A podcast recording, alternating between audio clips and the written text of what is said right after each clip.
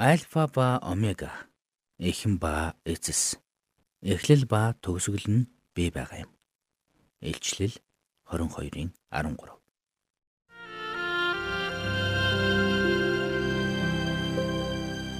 Мэргэний сонсог, мэдлэгийн тэлэг. Ухаалх нь мэрэгэн өдөр төмжийг мөн авах. Доктор Харалт цаалогийн мэрэгэн зөвлөмж нэвтрүүлэг.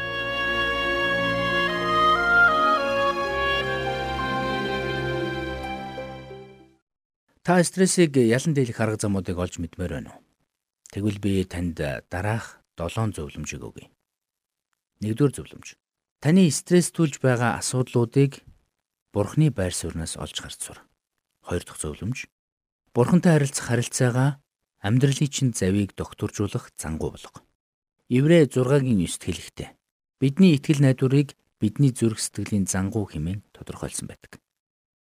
Зангуугүй зав салхи болон давлгаан давтан хөвж оддог шиг.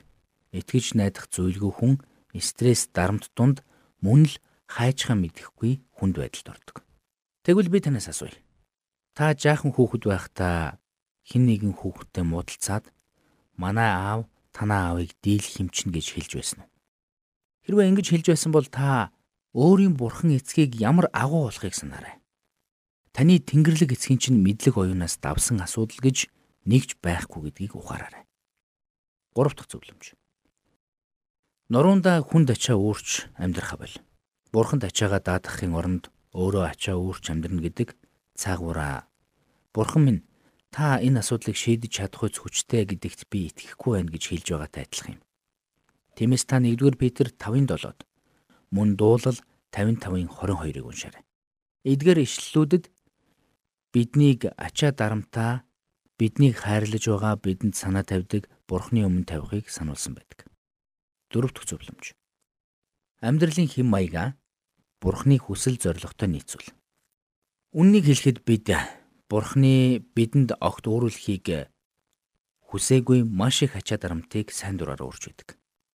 Учир нь Бурхны бидний хийгээсэй гэж хүсээгүй зүйлсийг бид хийж Үүнээсээ стресс дарамтыг мэдэрч байдаг. Жишээ нь Есүс хизээч дараалсан хоёр уулзалтын хооронд яаран гүйж байгаагүй гэдэгт би итгэлтэй байна. Бас Израильд байсан бүх өвчтөе хүмүүсийг бүгдийг нь эдгэх гэж яарч сандарч байгаагүй шүү дээ. Өөрөөр хэлбэл өөрийнхөө бие махбодын хэмжээ хязгаараас хэтэрсэн зүйлс бие гэдгийг Есүс сайн мэддэг байсан. Тиймдээ ч тэр бүхнийг амжуулах гэж яарч сандарч байгаагүй.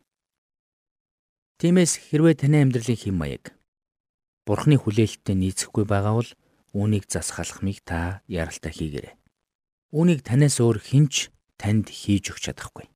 Өөрөөр хэлбэл биднийг хамгийн ихээр стресстүүлдэг зүйлсийн нэг бол бидний гэр бүл болон харилцааны асуудлууд юм.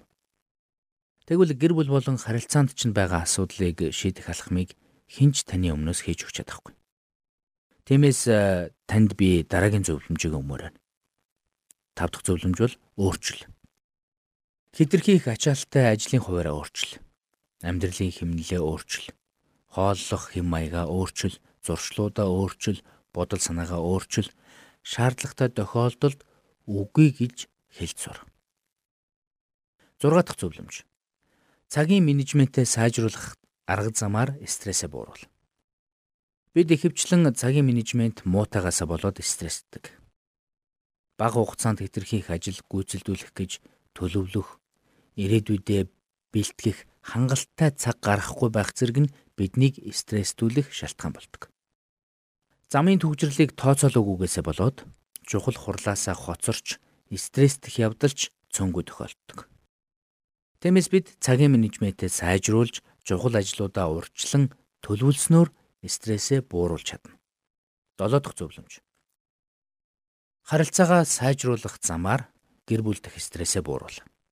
Үүний тулд та шаардлагатай тохиолдолд эрүүлэр санал зөрөлдөж сурах хэрэгтэй.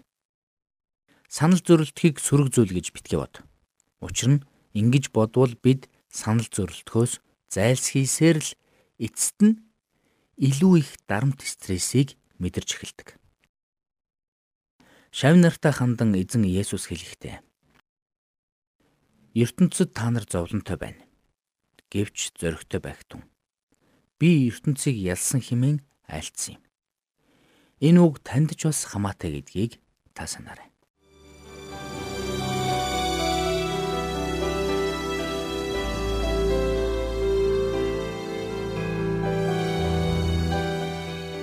Мэргэн нэгнийг дагвал мэргэн, мулгуутай нөхөрлөл хорлол. Доктор Харалт Салигийн мэрэгэн зөвлөмж нэвтрүүлгийг танд хүргэлээ.